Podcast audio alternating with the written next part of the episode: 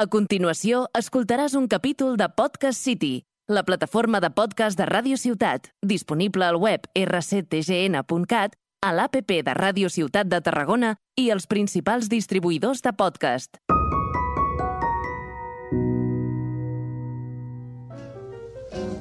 You must remember this. A kiss is still a kiss. A sigh is.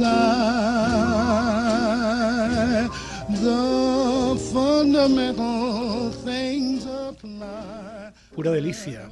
Qué manera más maravillosa de empezar un programa nuevo. Bienvenidos a Plot It Again, Sam, el programa donde el guionista es el rey. Y bueno, os preguntaréis qué, qué narices hacemos aquí, directamente. Bueno, yo soy David Serra, eh, gran diletante, guionista, realizador, celador nocturno en un hospital, escritor, eh, agente cultural, miembro del TED. Bueno, pero de eso ya hablaremos. Y un día, pues no hace mucho, eh, bueno, como amante y como persona del mundo radiofónico, eh, quise liar a mi hermano, una persona a la cual suelo liar, será la sangre de la familia, y decidí, con un café en la mano, como no podía ser de otra manera, invitarlo a formar parte de una aventura. Digo, Iván, ¿por qué no hacemos un podcast? Y, y aquí estamos. Y aquí estamos. Pues bueno, yo no sé a qué estamos, pero ¿para qué estamos? O sea, al final mm, de guion se habla mucho, de cine se habla mucho. ¿A qué me has traído?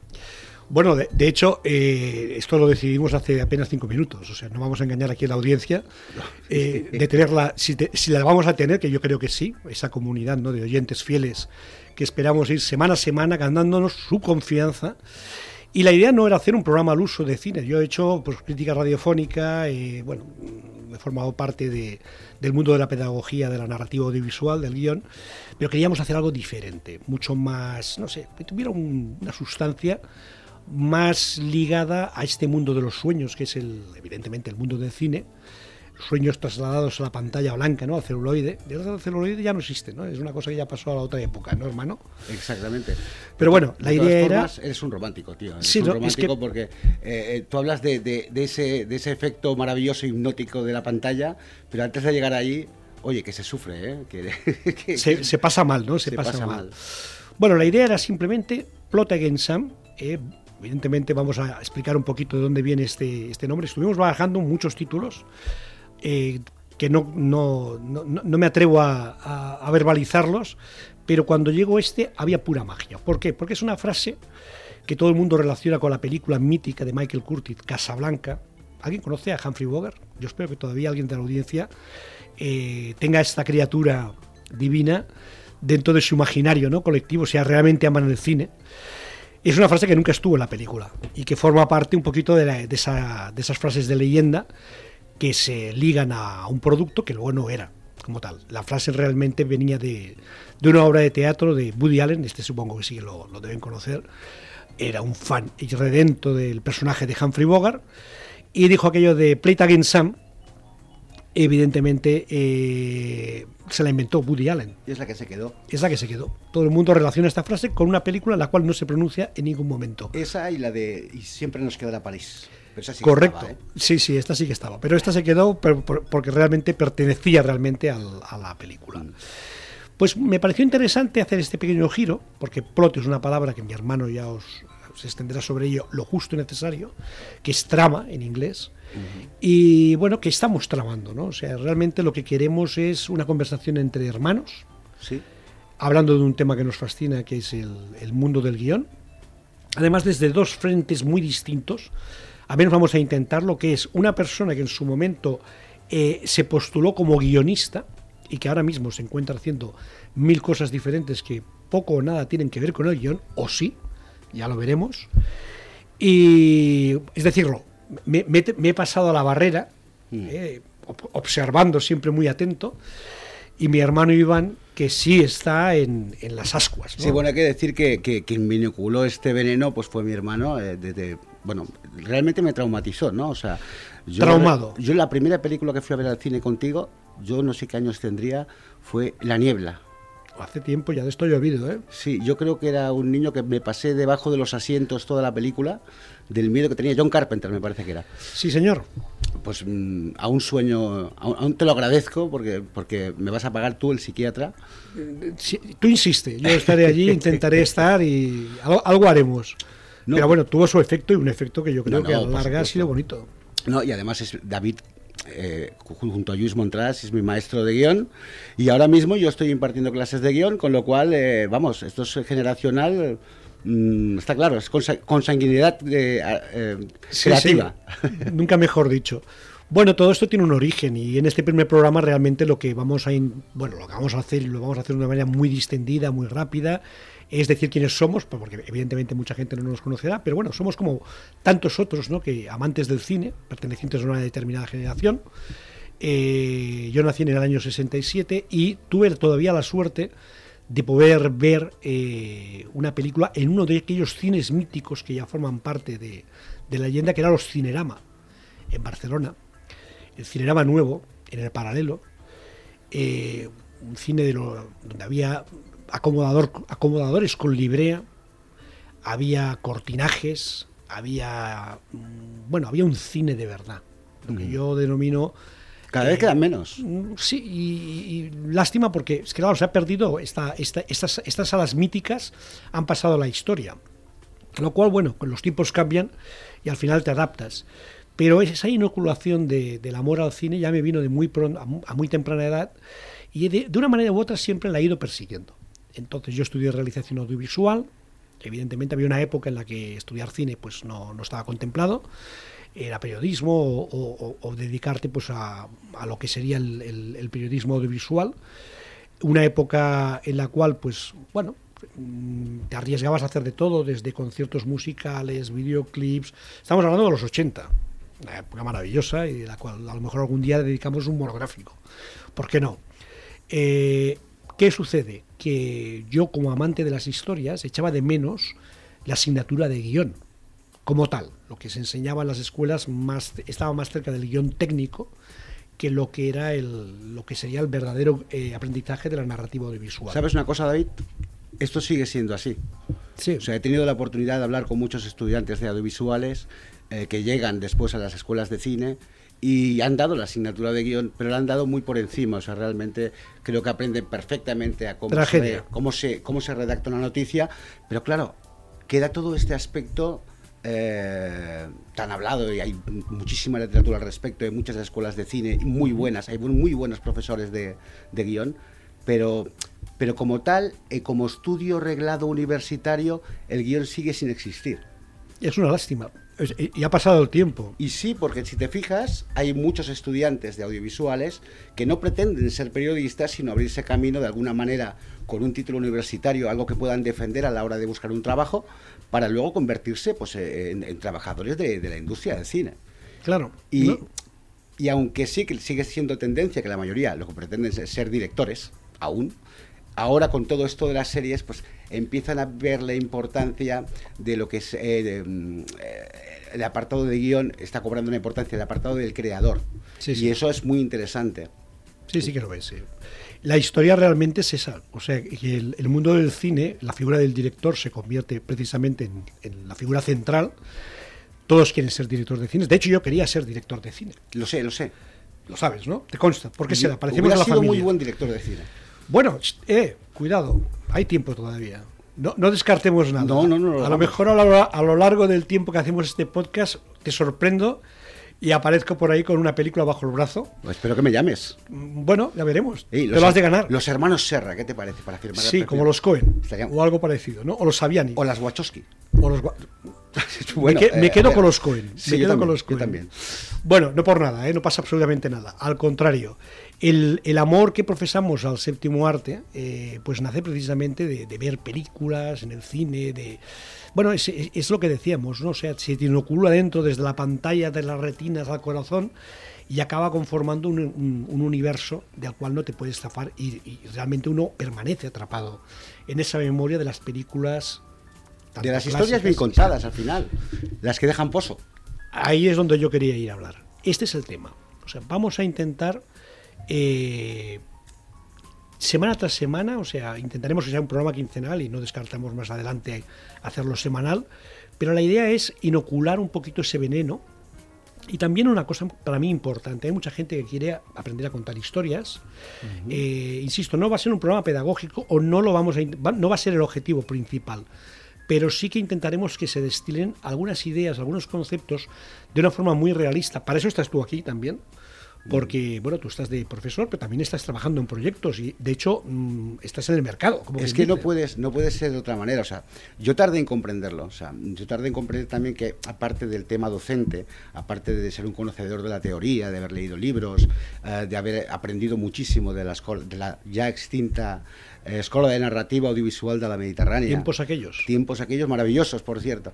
Eh, yo aprendí que, que la manera de la manera de, contar historias en un guion es difiere mucho de lo que yo hacía, que era escribir cuentos cortos. Lo, hace, lo hace muy bien, lo hace muy bien. Lo hacía muy bien y lo hace muy bien. Gracias.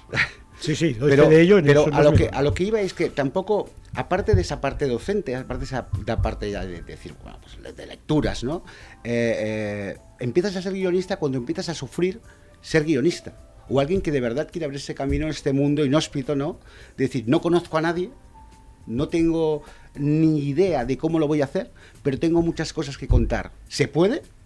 Es una aventura, es un trayecto que es una aventura y sí, claro que se puede. Sí, sí. Eh, pero, pero hay que explorar, hay que abrirse camino a machetazos en esta jungla que es la industria y no es algo sencillo. No, y de hecho, mira, voy a enlazar lo que estás diciendo con un poquito, siguiendo el relato para que la gente nos empiece a conocer. Hay mucha gente que nos conoce, hay muchísima más gente que no nos conoce y de hecho eh, yo era uno más dentro de este territorio en el cual yo me quería pues aprender y realizarme y evidentemente me tuve que buscar pues la vida haciendo otros trabajos, ir alternando, ¿no? Porque el mundo de lo audiovisual es muy canalla. Y iba haciendo pequeñas producciones, trabajando en diferentes proyectos, pero a la vez me busqué un trabajo, pues bueno, pues, eh, que fue el hospital. O sea, trabajando de noches es un lugar maravilloso para un germen de historias absolutamente vivo. Y bueno, eh, un día apareció un personaje que es otro de esos unicornios de la historia que se llamaba Albert Dumortier. Albert Dumortier fue mi maestro. Yo creo que Albert Dumortier fue el antes y el después, porque el concepto del guion, para mí, eh, como es hoy en día, nace con este señor.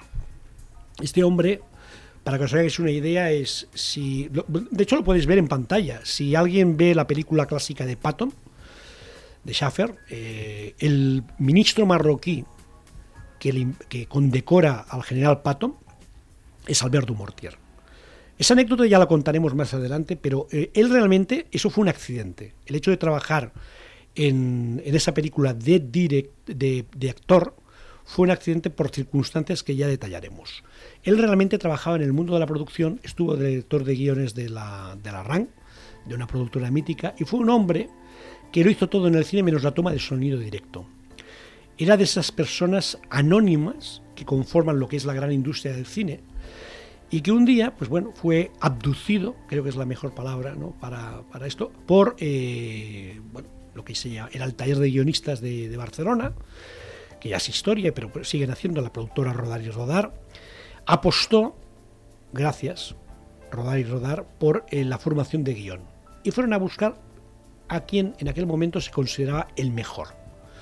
A fe mía que lo era. Cuando este hombre aterriza en Barcelona, pues yo voy a una conferencia y lo que pasa, pura magia. todo lo que explicaba me hizo estallar la cabeza, como se dice hoy en día, me estalló la cabeza porque empezó a insuflarme unos conceptos que yo en todos los años de lectura de libros y de cursos varios acerca del mundo del guion no había oído jamás y empieza a hablar de, de lo que has dicho tú, de la profesionalidad, del papel de las Biblias, de la industria, del proyecto, del escribir como profesión, del escribir cada día, escaletas, eh, escaletas secuenciales, fichas de personajes, o sea, todo un universo impresionante, docente, que lo que hizo fue entusiasmarme a mí y a otros muchos, entre ellos, él lo ha nombrado antes, Luis Montras, el hombre que está ahora en Andalucía, de Girona, Andalucía, y que fue mi compañero en esas lides de, aprendizaje y a la vez de formación, porque en cierta manera eh, fuimos escogidos por, por Dumortier eh, era una persona muy mayor, con una salud muy delicada, pero era un, foco de conocimiento, de anécdotas, de historias, de relatos vivos del mundo del cine que a mí no hacía nada más que, encenderme un fuego mayor y un crecimiento en, un mundo que se me abría como nuevo. A pesar de que toda mi cinefilia recalcitrante eh, se fue retroalimentando por unos valores que yo desconocía que pertenecían a todo este mundo maravilloso que es la narrativa audiovisual. Y de ahí empezamos la formación, acabamos de profesores, mi, mi excedencia de seis años, dando cursos por Andalucía, por aquí, por Tarragona, en la universidad, también en la URB, monte- el montaje, lo que tú decías de la Escuela de Narrativa Audiovisual, gran aventura, compleja ave- aventura en un momento de crisis económica en este país, esos 2008, esa crisis financiera que prácticamente arrasó con todo, con nosotros también. Y luego, pues nada, con los cortometrajes con Jesús Monyaó, eh, bueno, la película Hijo de Caín, de la cual fui yo localizador, todo un mare magnum de cosas que yo en, en pequeñas dosis iremos desgranando de experiencias que fueron la base para que yo te introdujese, porque yo- realmente había fe en ti, y yo espero que ahora lo continúes. yo te lo agradezco mucho, muchísimo. Porque yo decía, quien tiene que escribir aquí es mi hermano, que escribe maravillosamente bien. Yo escribo bien, pero este señor escribe unos cuentos deliciosos y, y yo creo que, que Bueno, merece una oportunidad. es un crack, señores. Bueno, fíjate que todo este periplo, toda esta aventura que tú has vivido con el guion fue la semilla luego para que aquí apareciera la Escuela de Cinema de Reus, Correcto. a cargo de un alumno nuestro que fue Daniel Villanueva, uno Sí, de la señor. primera promoción de guion que hubo en Reus. La decir, sí, señor. Sí, sí, sí, sí. Y ahí es justo donde, pues, pues bueno, ahora mismo eh, la aventura continúa. Sí, sí. Bueno, de, llegaste a los Oscars, bueno, hay un montón de cosas ahí, Y de tanto. tramas, de subtramas, de plots, que se- se podrían desgranar, porque yo lo que quiero que en este programa empiece a, a- a verse lo difícil, no imposible, no hay nada imposible, que es eh, eh, ganarse la vida escribiendo y trabajando para la pantalla. Bueno, a ver, eh, eh, es- eso Es está claro. Es un trabajo solitario, ¿no? Cuando estás trabajando en la creación de una historia y, y entra mucho en juego lo que es eh, eh, la procrastinación, ¿no? Aquello de yo he fregado muchísimos Esa platos palabra. antes de acabar un guion, ¿no? Sí, sí, sí, esa palabra. He preferido doblar ropa, ¿no? Montañas sí. de ropa antes de salir del bloqueo. Pero bueno, son, son momentos, son, hay que pasar por ahí. Yo recuerdo que, que, bueno, miras con ternura, ¿no? Cuando ves a, a alguien que está trabajando en su propia historia y se enfrenta a los mismos obstáculos una y otra vez. dices, "Bu- Yo pasé por ahí. Y sabes Sí. que, que, bueno, que, que- El camino del héroe. Sí, no, sí. Con sandalias. Lo del héroe con sandalias. Sí, sí. Sobre la arena quemando. Uy. Sí, sí. Sí, no. Pero bueno, eh, realmente es un, un proceso. Y luego, el, eh, bueno, yo aparte de, de- de escribir cuentos cortos, a mí lo que hicieron fue enseñarme una nueva manera de escribir. Yo reaprendí a escribir. Porque es muy diferente escribir narrativa que, que narrativa audiovisual. Sí, Al sí. final lo que tú haces es una partitura para profesionales, lo que tú estás haciendo es, es, es contar con la complicidad de un equipo cuyo objetivo tiene que ser hacer más grande lo que tú has escrito Correcto. decían aquello de que de un mal guion difícilmente va a salir una buena película, pero de, de un buen guion, ve- vete a saber, ¿no? O sea, Sí, sí. Tampoco, te asegura nada. No, no, no, exacto. Pero bueno, como todo lo que escribimos es maravilloso, ¿no? Bueno, es, es lo, es lo que hacen los autores, ¿no? Sí, Eh, sí. Defendemos a la criatura, pero luego, claro, eh, nos hemos de dar cuenta, hemos de ser autocríticos, como cualquier trabajo también. si hay que cortarle una oreja, se le corta y punto. Y o se le arroja desde el acantilado. Y tanto, directamente, y- como hacían los, los espartanos, ¿no? Y Con lo- aquellas criaturas que no. Bueno, es un poco, un poco duro, pero es el, el- el hecho de ser capaz de, de fulminar páginas y páginas de. Oye, David, ¿y para ti el, el objetivo de un guion Sí. ya convertido en película? ¿eh? Tú imagínate un guion, ha pasado todo el proceso, llega a la pantalla, eh, ¿qué, qué es lo que debe quedar? Atención, pregunta. ¿Qué es lo que debe quedar al final de, de un guion? ¿Qué queda? Porque al final pasa por tantas manos, por tantas opiniones.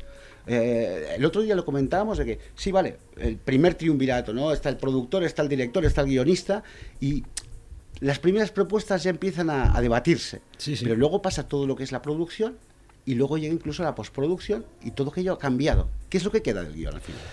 Bueno, al final del guion lo que queda, eh, cuando el guion, supongo que te refieres cuando el guion llega a la, a la- a la hora final, ¿no? A la pantalla. Sí, sí, sí, sí. A- apagar la entrada.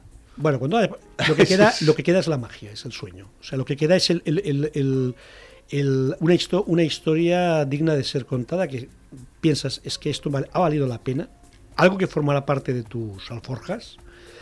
Eh, Se me hace difícil de creerte después de ver el catálogo de Netflix, por ejemplo. O sea, sí, eh, a ver, el gran problema, el gran problema eh, Es olvidar lo que has visto. Exactamente. Tenemos una hiperbo... Bueno, ahora estamos en un momento que es eh, absolutamente hiperabundancia de propuestas. Y, y, oye, aunque parezca mentira, encuentras cosas que realmente te hacen sonreír, ¿no? Porque descubres. Yo hablabas de Netflix, pero buscando, buscando encuentras pequeñas perlas que, que a mí me resulta asombroso, ¿no? Con toda la, la cantidad de celuloide de películas que he visto, pues claro, hay una hiperabundancia de producción que a veces me sorprende. Hay veces que piensas, honestamente, ¿por qué? Sí, cierto. ¿Era necesario? Igual, seguramente sí. Alguien ha ganado dinero con esto. O No, no, por supuesto, Esto es un producto. ¿eh? O sea, la, la- la poesía que ahora mismo intento que, que tras mis palabras eh, deje ese pozo, la verdad es que hay también, y voy a decir un palabra, hay mucha mierda. O sea, Es cierto, o sea. Pero claro, hay que tener un respeto también, porque detrás de esa, entre comillas, carbonilla, ha habido muchísima gente involucrada, muchos profesionales, probablemente grandes profesionales, que se han estado ahí quemándose las pestañas eh, y, arrancándose las uñas, intentando eh, sacar algo digno de cosas que a veces pues no les encuentras mucho sentido de que estén allí. Pero a eso me refería. Fíjate, estamos hablando de guion y estamos hablando de lo difícil que es ser guionista, ¿no? Y, y- y no es porque el oficio sea difícil. Cuando tienes esa gana de contar historias, eh, las historias brotan, las historias, eh, las descargas de, de- de- de lo más profundo de la mochila y las conviertes en guiones. Correcto. Pero claro, sí. luego hay que venderlos. Bueno, es Y- que y- de eso, de a eso va me sorprende, también este podcast. David, Sí, lo que me correcto. sorprende es eso, es decir, a ver, eh, uno que empiece ahora y que tenga la intención de vender un guion sin conocer nada del mercado, sin conocer a nadie en la industria, Amigo. sin, por supuesto, si es una buena historia, debería brillar, ¿no? Si es buena de verdad, Sí. y todo el mundo queremos recibir buenas historias. Pero me da la sensación de que es algo harto difícil, porque todo el mundo está en esta vorágine de, de proyectos muy ocupado. Hay muchos proyectos pendientes por salir al mercado y todo el mundo está que La- como para recibir uno nuevo. En su momento eran los cajones llenos Sí. Y las papeleras también llenas. Ahora O son los discos duros, ¿ok? Ahora, ahora es la nube. La nube. Todo está en la nube. Eh, lo cual lo convierte en, en absolutamente más... eh, porque los cajones al final se acababan llenando y había que vaciarlos. Y de vez en cuando había alguien, no sé, un secretario, una secretaria, que de repente decía, ostras, esta historia que hace cinco parece de un extraterrestre que llega a la Tierra, conoce a un niño y podía... Bueno, no sé, quizá... No sé, vamos a ver cómo se podía sacar algo. Ahora todo está en la nube, es hiperabundante, entonces los codazos son eh, más agresivos. O sea, ahora el mercado necesita historias, a todos se nos dice, ah, es un momento maravilloso para poder... eh, pero eh, hay gente muy buena.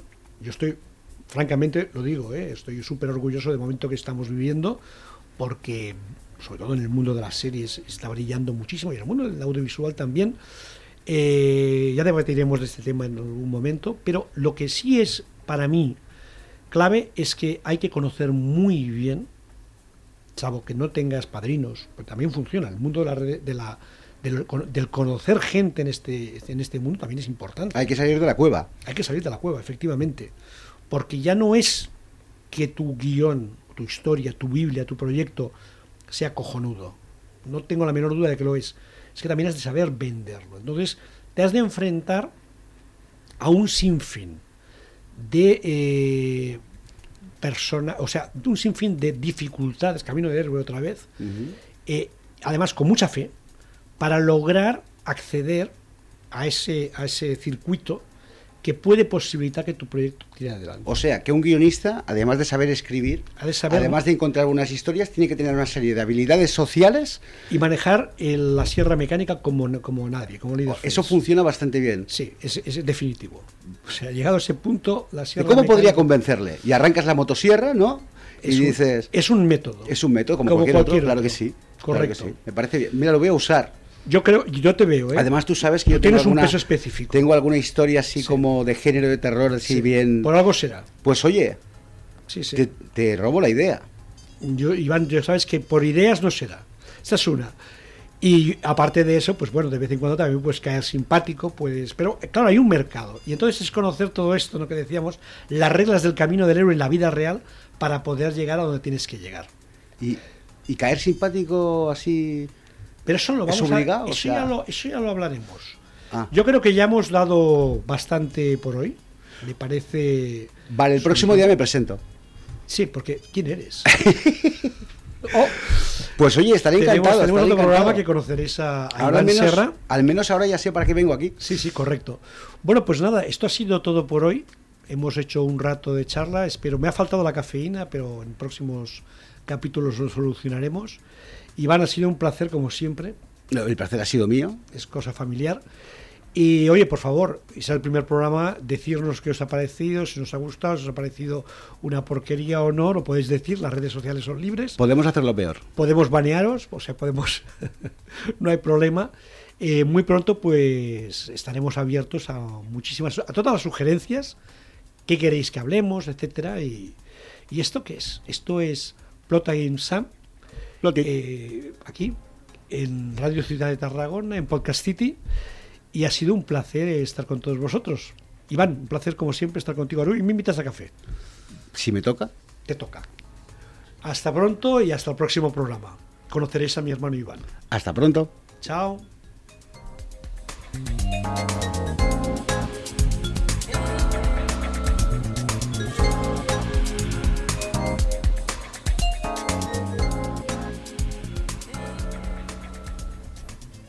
Has escoltat un capítol de Podcast City, la plataforma de podcast de Ràdio Ciutat, disponible al web rctgn.cat, a l'APP de Ràdio Ciutat de Tarragona i els principals distribuïdors de podcast.